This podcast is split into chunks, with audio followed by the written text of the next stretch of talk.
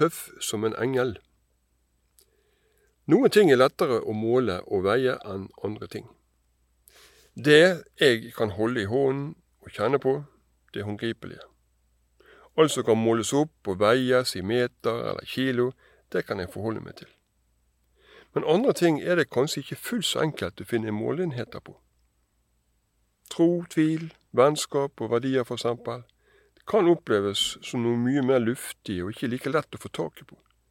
Det er lettere å telle penger enn å telle håp. Jeg hørte en gang en historie om en mann og en engel som endret mitt syn på hva som er målbart og hva som er holdbart. En mann og en engel skulle gå på tur i fjellet. Etter en stund så kommer de frem til svært gjerde, et høyt gjerde. Engelen den gjør sånn som engler gjør, går tvers igjennom. Mannen går den lange omveien for å finne porten og for å komme seg videre. Etter en stund så kommer de til en svær stein i terrenget. Engelen bruker igjen sine spesielle egenskaper, spaserer tvers igjennom, mens mannen må streve seg den lange veien rundt. Gang på gang så gjentar dette seg. Hver gang de møter en hindring i terrenget, så går engelen snarveien gjennom, mannen må gå omveier hele tiden. Til slutt så blir denne mannen litt trøtt på dette, og han spør sin medvandrer, du engel, du må forsyne meg, være laget av et ganske luftig materiale som kan gå tvers igjennom alle ting på denne måten. Engelen ser på mannen og spør tilbake, min gode mann, når du er ute og går i fjellet, og så møter du noen tåkedotter, går du rundt, eller går du gjennom? Jeg går selvsagt gjennom, svarer mannen og begynner å bli en smule frustrert. Der kan du se.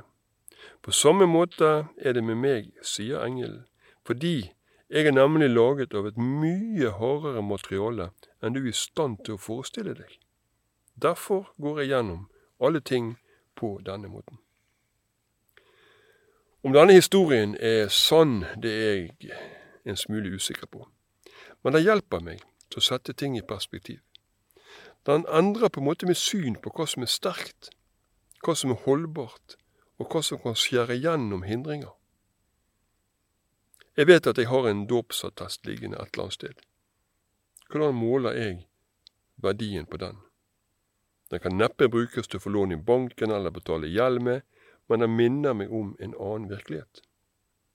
Det som skjedde i kirken den gangen, ble kanskje av noen opplevd som noe luftig og lite håndgripelig. Ord og vann og ånd, ikke lett å måle. Men i mitt hode så var det synlige tegn på en usynlig virkelighet. En virkelighet som kanskje er laget av et mye hardere materiale enn jeg er i stand til å forestille meg. En virkelighet som holder om alle andre målbare ting skulle svikte. Noe som er der når alt annet går i stykker, selv om det kan oppleves flyktig og lite håndgripelig etter våre målestokker.